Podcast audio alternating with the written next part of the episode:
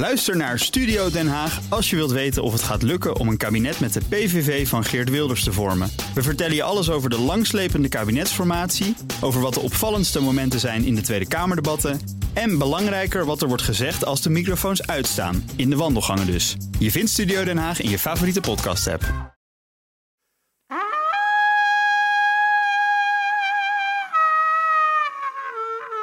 Na zo'n 150 jaar kwam de wolf terug in Nederland. En dat is even wennen. Sommigen zijn bang voor de wolf. Anderen noemen dat een roodkapjesyndroom. Sommigen worden ineens geconfronteerd met opengereten schapen en andere dieren. Of ze maken zich daar grote zorgen over. Dus wat moeten we met dat dier? En wat mogen we? Want de wolf is een streng beschermde diersoort. Dat is de kwestie wolf. Een podcast van BNR. Ik ben Mark Beekhuis. Aflevering 3. De wolf bepaalt zelf wel of er ruimte voor hem is.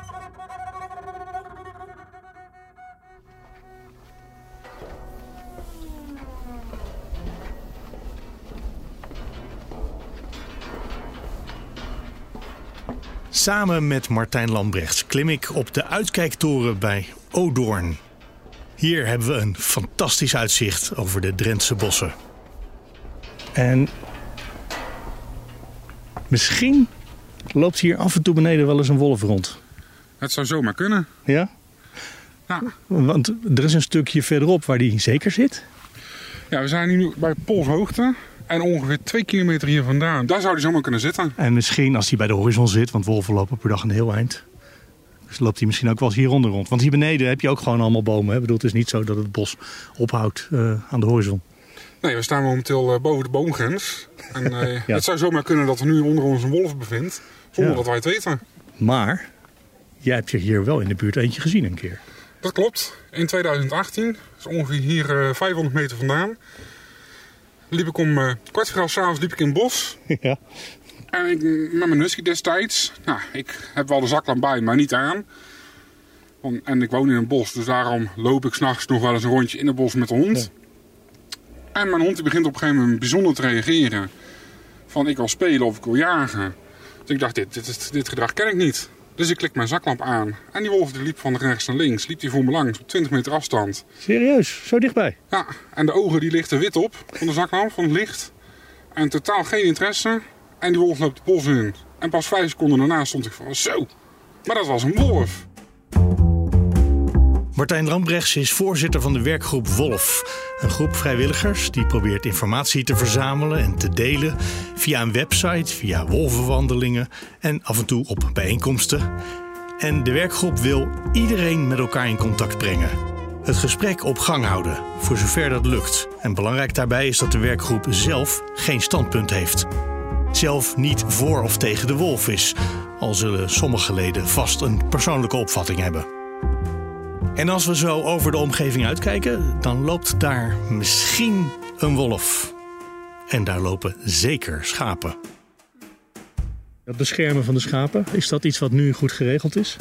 Nee, helaas niet. Dat kan gewoon beter. Maar zoals ik zeg, ja, het moet van twee kanten komen. Die wolf moet ook wat te eten hebben. En op het moment dat je alle schapen goed gaat beschermen, ja, waar gaat- leeft hij op? Dan kan er twee kanten op gaan. Of hij blijft die schapen grijpen. Of het, eh, de roedel gaat zich verplaatsen. Of toch op die reeën gaan focussen. Ja. Maar de verwachting is dat, eh, dat hij dan toch die wolf weer in omheiningen weet te overwinnen.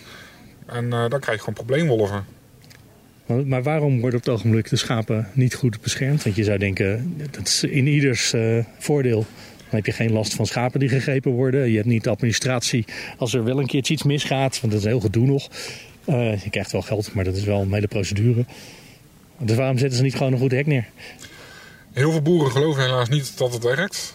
We zien helaas ook wel beelden dat het niet altijd werkt. Maar goed, daarom noemen we het ook wolverend en niet wolfproef. Ja, Het betekent dat het de wolf weert, maar niet altijd tegenhoudt. En het is gewoon een flinke investering. En er moet, daarnaast, daarom moet er ook genoeg wildaanbod zijn. Ja.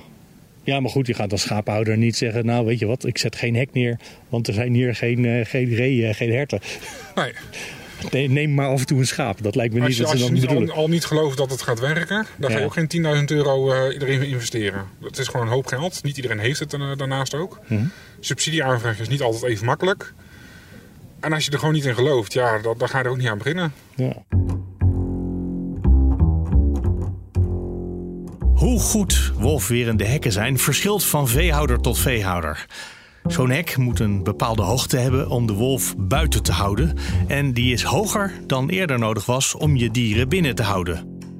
Je hebt minstens vijf draden nodig met 4500 volt die op specifieke hoogte moeten hangen. Om te voorkomen dat er kortsluiting ontstaat tussen de onderste draad en de grond, moet je planten wegmaaien. En je wilt ook zeker weten dat er nergens een opstapje is voor de wolf, om makkelijk over het hek heen te springen. Een afgezaagde boomstronk net buiten je hek kan daarom een zwakke plek zijn in een verder perfect neergezet wolfwerend hek. Mijn gevoel is dat mensen die een paar schapen als hobby houden, heel erg hun best doen om een strak wolfwerend hek neer te zetten. Bij de professionele veehouders is de variatie groter. Ik sprak bijvoorbeeld mensen die het risico nemen met een hek dat net niet aan de norm voldoet, omdat ze weten dat het hek bij de buren veel slechter is. En de paar mensen die dit tegen mij zeiden, zeiden ook allemaal: Tot nu toe gaat dat bij mij steeds goed. Dit was trouwens steeds in gebieden waar de wolf regelmatig opduikt, maar nog geen roedel gevestigd is. Het lijkt ook uit te maken in welk dorp je zit. Ik heb dorpen gezien waar de meeste mensen hun best lijken te doen op hun hekken. Maar ik weet ook van dorpen waar het niet gewaardeerd wordt als jij een wolfwerend hek neerzet. Daarmee zou je de situatie dat de wolf zich hier gevestigd heeft normaal maken. Heulen met de vijand is dat. Als je in zo'n dorp woont, dan wil je misschien niet alleen rekening houden met je schapen, maar ook met je sociale leven in het dorp. In de eerste aflevering hoorde je Diederik Sleuring al van LTO. Hij ziet dat ook. Je hebt er mensen bij die zijn gewoon alleen maar kwaad en die willen helemaal niks doen. Maar die zijn bang dat als je met rasters aan de slag gaat, dat je dan toegeeft dat die wolf er nou eenmaal is. Ik kom er steeds vaker met mensen op uit dat ik het dan maar zo uitleg. Dat ik zeg, ja, aan de ene kant willen we die wolf hier in Drenthe weg hebben. En moeten we ze absoluut gaan beheren. Want er is gewoon te weinig wild. Er is dus te weinig draagvlak voor die wolf. En hoeveel wolfwerende rasters hier ook gaat plaatsen. Ik denk dat ze steeds schapen zullen blijven pakken. En de andere kant is, eh, dat duurt gewoon heel lang voordat daar verandering in komt. Van die wet, die krijgen we niet zo makkelijk veranderd. Gelukkig is Brussel er nou over aan het nadenken of dat beschermingsniveau omlaag kan. Gelukkig komt er dan waarschijnlijk een serieuze discussie in de politiek over we moeten wolven gaan beheren. Net zoals we nu ook al bevers beheren. Dat vinden we inmiddels ook al normaal. Soms heb je een soort die breidt zich zo snel uit, dan moet je die beheren. Dat is met wolven ook zo. En dat, wordt dus, dat moet normaal worden, zeg maar. Daar moet Nederland ook maar aan wennen. Het is niet anders. Maar de tweede is, ja, die wens, dat duurt gewoon nog heel lang. Dus de, de, tweede optie is, die wolven zijn er nu wel. En die zullen elke keer vee blijven pakken. En als jij de verantwoordelijkheid voor je vee wil nemen, dan moet je alle opties afwegen die je hebt om dat vee goed te beschermen. En dus staan mensen voorlopig nog tegenover elkaar. En van BBB-statenlid Agnes Jongman hoorde ik bijvoorbeeld dat dit meer speelt in dorpen waar vrij veel import is. Mensen uit de Randstad die de rust van Drenthe opzochten, maar, voeg ik er dan maar aan toe, die kennelijk toch nog wat inburgeringsproblemen hebben op het platteland. Agnes Jongman hoorde je ook al in de eerste aflevering even. Ik vertelde je toen dat haar man koeien heeft en haar zoon een paar hobbyschapen. Met die koeien gaat het tot nu toe goed, maar met de schapen ging het alles mis. Wanneer was dat? Vorig jaar juli. En hoe ging dat? Wat bedoel je? Jullie koeien en schapen. Waar ging het bij de koeien of bij de schapen mis? Bij de schapen ging het mis. Kort bij de stal. Ze, lagen, ze hebben langs de slootkant gelegen. Nou, kon je precies zien. En dan gaat hij onder het draad door via de sloot. Ja, dan is het stroom waarschijnlijk, nou ja, dat heb je net ook gezien, door, door het lange gras. Wat ook weer gestimuleerd wordt door de overheid. Om dat niet allemaal kort te houden voor de bloemetjes en de bijtjes. En daar gaat hij dan door de sloot en dan pakt hij een lam wat gewoon uh, nog niet alert genoeg is. En kijk, de oude schapen waren het erf op gerend. En die uh, een had een hap uit zijn kont. En uh, ja, die is uiteindelijk later alsnog overleden. Maar ja, dat, uh, dat was. Ja, maar in het begin hebben we hem weer opgelapt. Maar ja, als je dat s'morgens aantreft, als je dan je weiland in loopt. Ja, want één schaap was ook echt dood. Ja, echt dood en ook ja. helemaal open. En als je dat ziet, ik, ik snap wel dat dat bij mensen gewoon tussen de oren gaat zitten. Ja. Als je dat vier of vijf keer achter elkaar hebt gehad. En als daar dan een schaap ligt en daar een lam. Eh, in Friesland was een man die had 17 schapen. Nou, dat, dat, dat wil je gewoon niet meemaken. Dat, dat is gewoon een slagpartij. Dat, eh, ja, en ik snap dan best dat mensen daar gewoon klachten van krijgen. En, en niet van kunnen slapen. En eh, ja, Ja. Dat, dat moet niet gebeuren, zeg maar. Jij slaapt er niet minder om. Ja, ik... Je bent ik- redelijk nuchter, lijkt me. Ja, ik ben vrij nuchter, maar ik, ik snap best dat, dat, dat mensen daar eh, psychische problemen van Ja. krijgen. En ik heb ook mensen gesproken die, eh, die vier of vijf aanvallen hebben gehad. Ja, en dan, dan kan het behoorlijk tussen je oren gaan zitten. Dat is echt wel een ding. Eh, en je hebt mij meegenomen naar een veldje in de buurt van waar je woont. Ja, Waarom, zijn, waarom heb je me meegenomen naar dit veld? nou, er zijn hier natuurlijk wolven. Ja, die vinden dit eh, een leuke omgeving om hier eh, te zijn. Ja, het liefst willen wij ze niet. maar zijn er hier dingen gebeurd dat je zegt, ja, maar hier eh, kan ik het goed laten zien? Of wat, Ja, nou niet specifiek. Ik bedoel, eh, hier zijn beesten aangevreten, maar ook bij mij is een schaap aangevreten. Hierachter wonen boeren, die, daar is een koe aangevreten. Ja, eigenlijk is er al heel veel gebeurd hier eh, in de omgeving. Dus het is niet specifiek dat het hier is, maar ik denk we gaan hierheen omdat... Ja, dan heb je ook een beetje gevoel erbij. Ik heb je wat eh, Ja. Wat omheiningen laten zien van, van hobbyboeren, eh, hoe die ermee omgaan. Dus dat wou ik je ook gewoon even laten zien. ja. En we staan hier naast een hek. Eh, het stuk achter je, is, hier waar we nu staan, is het zeg maar het natuurgebied. Hierachter begint een, eh, een landbouwgebied waarschijnlijk, want dat is netjes omheind. Klopt. En met vijf draden en spanning erop. En dat, tenminste, dat neem ik dan maar even aan voor het gemak.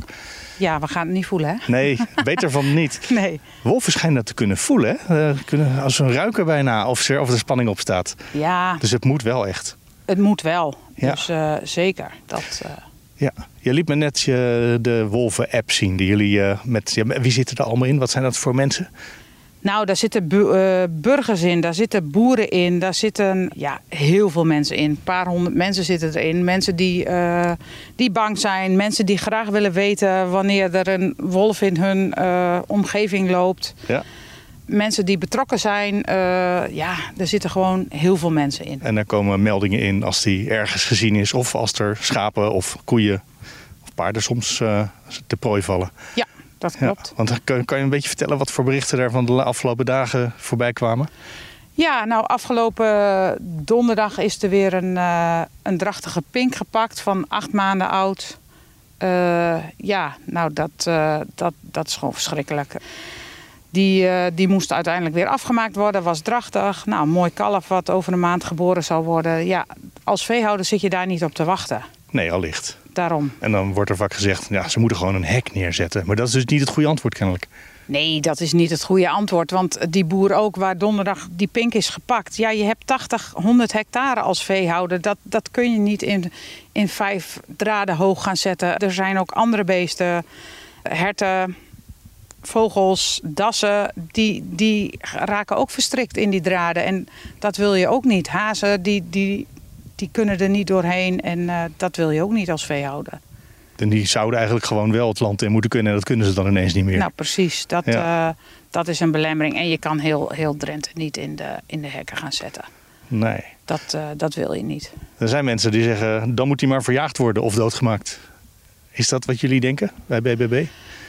Nou, wij willen gewoon een, een Drenthe zonder wolven. Dus ja, ik Dat denk... is verjagen op zijn minst. Ja, dat op zijn minst verjagen. En ik denk gewoon dat, dat de probleemwolven, dat, dat daar gewoon wel wat in overleg met de instanties die dat kunnen beheren, dat daar gewoon wat eh, mee moet gebeuren.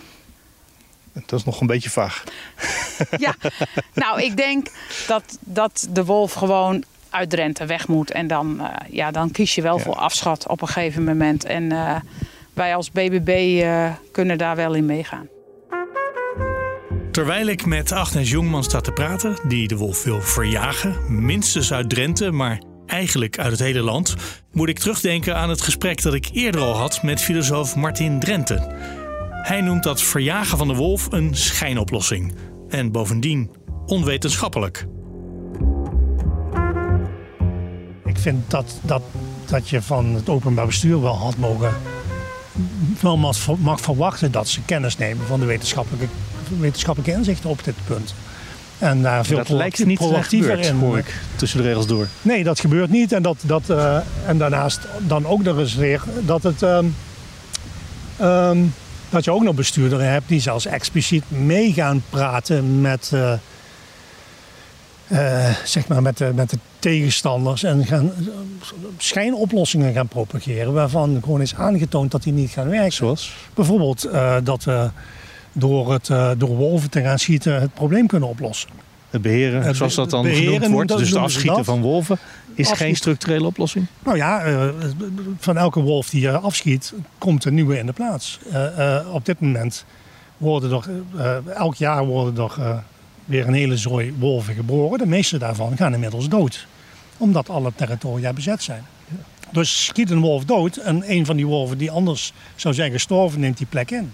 Zo, dat is hele elementaire biologie, dat werkt bij, bij vossen ook zo. Dus, wolven bepalen zelf wel hoeveel ruimte er voor ze is. En met zoveel is ze. Ja. En, eh, en dat, dat dus ook zeggen van de wolf heeft geen, wolf heeft geen uh, natuurlijke vijand. Is ook zoiets van dat is gewoon ongeïnformeerd spreken. Dat, dat op het moment dat je denkt dat je de wolf met schiet, het wolvenprobleem met schieten kan, kan oplossen, dat kan inderdaad. Namelijk op het moment dat je de wolf weer terug uitroeit tot aan de grens van Polen. Want wolven kunnen zo ver lopen. De wolven die in Nederland binnenkomen, sommige daarvan die komen van 700 kilometer afstand. Uh, dus als je geen wolf in Nederland wil, dan zul je ze gewoon weer terug moeten uitroeien. Uh, in heel en dan echt een flink stuk van Europa, want anders dan lopen ze gewoon terug. En anders zul je, je zult altijd zwervende wolven blijven houden. Ook als je ze in Nederland afschiet. Sommige bestuurders die pleiten hier wel voor. Of die zeggen wel dat dit zou moeten. Ja, en ik denk omdat ze denken dat hun dat stemmen oplevert. Misschien geloven ze het zelf. Maar dan zou ik zeggen, uh, uh, informeer je eens. Kom eens praten. Kom eens praten met, met mensen met verstand van zaken.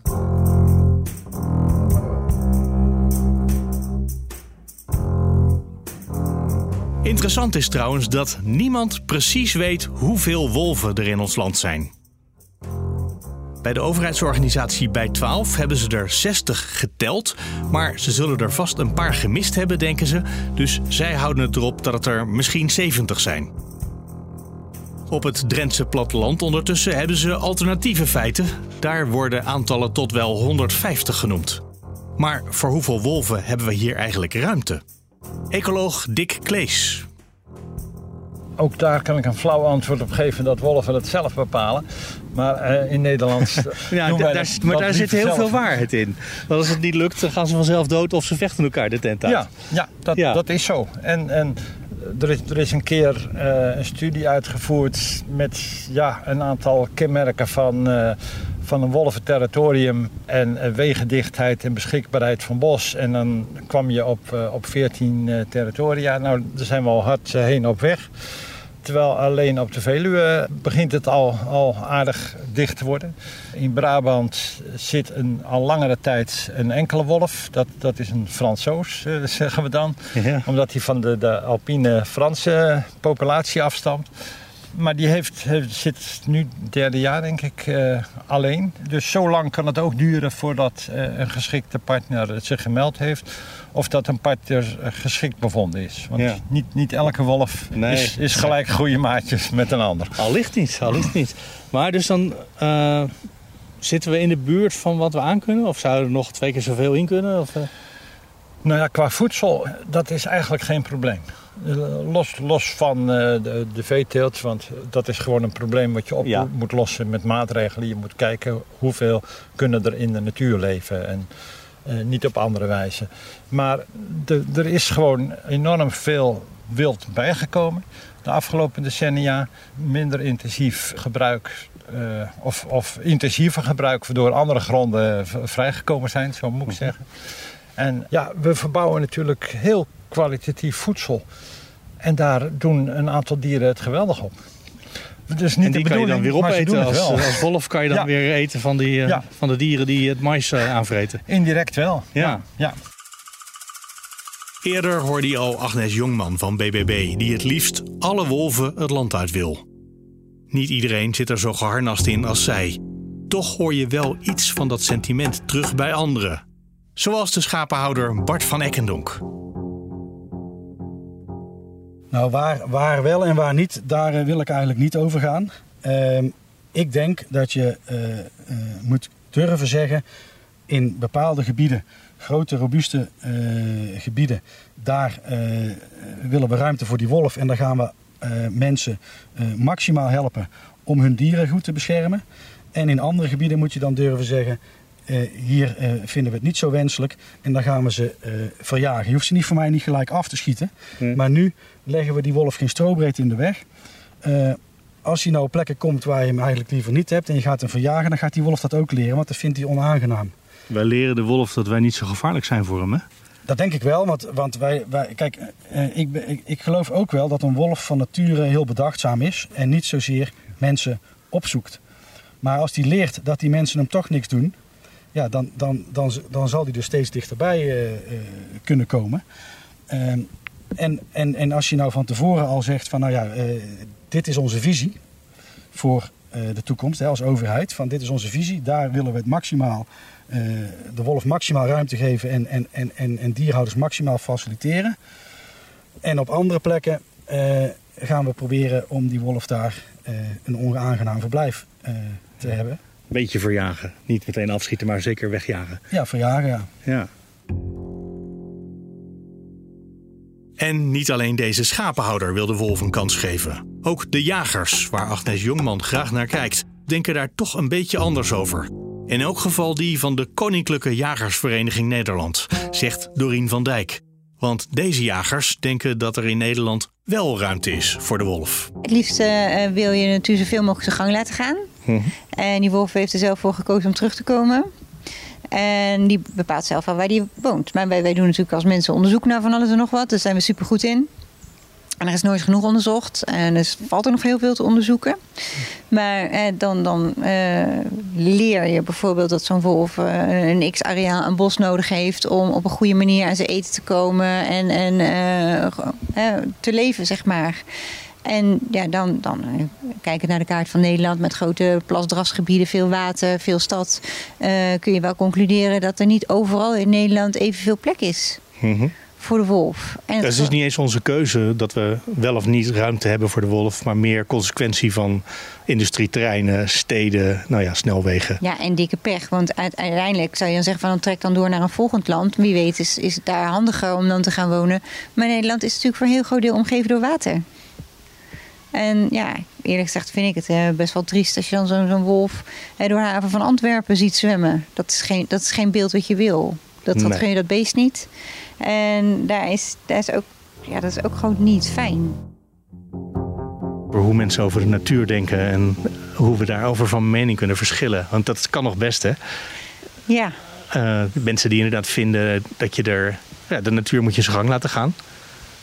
Uh, maar dat is niet wat, wat jagers vinden, want die vinden dat je moet beheren. Dat is sterker nog, dat is zelfs een eufemisme voor het afschieten vaak. ja, dat is misschien een beetje, een beetje kort door de bocht. Maar um, natuur zijn gang laten gaan is, is zo mooi. En het klinkt zo mooi. En dat kan ook wel als er ruimte genoeg zou zijn. We hebben natuurlijk eerder al geconcludeerd dat Nederland best wel eh, vol is met uh, wegen, uh, infrastructuur en allerlei andere uh, zaken waar dieren niet noodzakelijk heel blij van worden. Mhm. Dit is meer voor die uitgeschrekte natuurgebieden in Canada of zo? Ja. Waar geen mensen wonen, maar wel veel dieren? Ja, ja er komt altijd een balans. Maar of het, zo'n natuurlijke balans is, is natuurlijk de vraag op het moment dat wij zo'n dominante rol spelen in het landschap. Mm -hmm.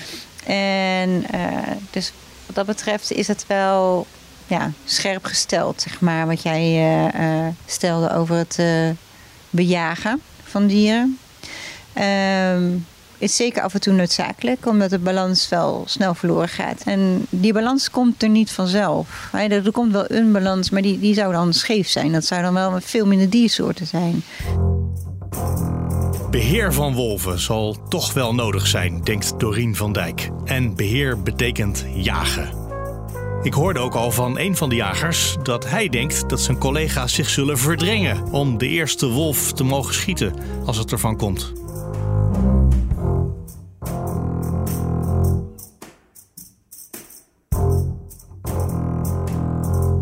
Een van de verklaringen die ik zelf bedacht had voor dat probleem dat we hebben met de wolf, is dat hij uit zichzelf hierheen gekomen is. Natuurlijk, ons natuurbeleid heeft geholpen. Maar het ging niet zoals met de bevers en otters en straks de steur. Waarbij er eerst lang werd nagedacht, onderzocht, overlegd, vergaderd. En dat we uiteindelijk een besluit nemen. Dat wij uiteindelijk een besluit nemen. Natuurfilosoof Martin Drenthe snapt wat ik bedoel. Al heeft hij ook een tegenvoorbeeld. Nou hebben we nou die wolf, die is ons komen bezoeken. Veel mensen vinden het prachtig, sommige mensen vinden het, veel mensen vinden het ook eng. Ja. En het is het allebei. En we zullen daar op de een of andere manier mee leren omgaan. Maar niet alleen maar wolven. Hè. Met, uh, we hebben 10, 15 jaar geleden hebben we bevers uitgezet in Nederland. Omdat we die, uh, omdat we die terug wilden hebben, met goede redenen. Nou, nu komen we erachter dat bevers ook gewoon enorme rotzakken kunnen zijn. Omdat ze, omdat ze in dingen graven waar we niet willen, wat, wat we niet kunnen hebben. Ja, of, zeker. of uh, Spoor ondergraven en zo. Precies, dat wil niet zeggen dat we in één keer de bevers weer weg willen hebben. Dat betekent dat we moeten leren omgaan met bevers als fijne en soms heel erg lastige buren. En Maar er zit wel een belangrijk verschil tussen de bever en de wolf, denk ik. Nou? Namelijk de bever, die hebben wij hier na lang vergaderen neergezet. En de wolf, die heeft helemaal niet met ons overlegd. Die is gewoon gekomen, want Duitsland was vol. En die dacht, misschien is er even verderop nog ruimte op de Veluwe en eh, in Brabant en Drenthe. En eh, misschien de andere provincies uiteindelijk ook nog wel, wie zal het zeggen. Eh, maar dus de wolf heeft ons geconfronteerd terwijl wij de bever hebben uitgenodigd. Ja, daar, ben ik, daar ben ik mee eens. Dat, is een groot verschil. Al moet ik er meteen bij zeggen, ik, als ik met Amerikaanse collega's praat, die hebben in Amerika zijn al een paar plaatsen wolven uitgezet. Het beroemdste voorbeeld is Yellowstone National Park. Ja. Waar in 1995 wolven zijn uitgezet en dat wordt algemeen gezien als een succesverhaal. Maar dat was enorm controversieel en is dat nu nog steeds. En volgens de Amerikaanse collega's die ik sprak, is dat omdat die is uitgezet door mensen. Eh, door, door een bepaalde politieke beweging die dat wilde en anderen waren daartegen. En dus die kunnen nou tot eeuwige tijd kunnen die, die groep de schuld blijven geven van eh dat is jullie schuld dat die wolf hier is uitgezet. Jullie wilden dat zo nodig. Ehm, en die, die collega's zeiden tegen mij, jullie hebben het veel makkelijker, want bij jullie is de wolf spontaan gekomen. Zoals een onweer spontaan kan komen of een ander natuurverschijnsel. Dus dat is makkelijker om je mee te verzoenen.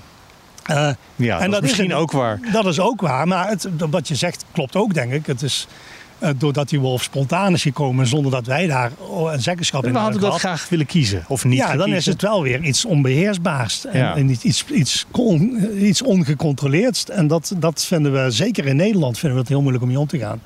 In onze buurlanden is dat voor mijn, naar, mijn, naar mijn gevoel anders. Ehm, de Duitsers hebben grote gebieden waarin van alles gebeurt wat niet door mensen gecontroleerd wordt. De Belgen geldt dat ook voor. Die hebben de Ardennen waar, je, waar van alles gebeurt. Wat, dat, misschien loopt de links daar al heel erg lang rond. Zeker weten doet niemand het. Ehm, maar in Nederland hebben we steeds dat gevoel van alles wat hier gebeurt, gebeurt dankzij ons en door ons. En, eh, en er is niks wat aan onze blik ontsnapt. En dan komt in één keer zo'n wolf binnen fietsen. Wij gaan erover en dan Ja. heb je ineens zo'n gekke wolf. Ja,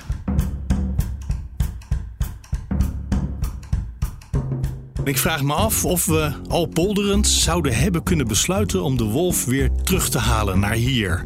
Want heel veel soorten, inclusief die rotzakken van een bevers, hebben we hier geherintroduceerd. Maar de wolf? Zo heel bewust terughalen? En daarmee komen we aan bij de vele vergaderzaaltjes die Nederland rijk is.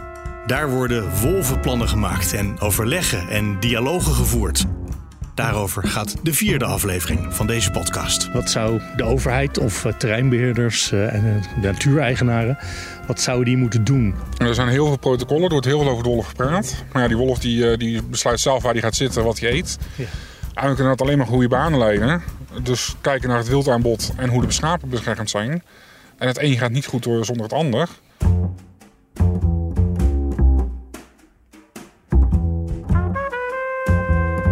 Kwestie Wolf is een podcast van BNR, gemaakt door mij, Mark Beekhuis en Connor Klerks. Vanaf dinsdag is deel 4 beschikbaar, dus abonneer je even in je podcast-app of kijk op bnr.nl/slash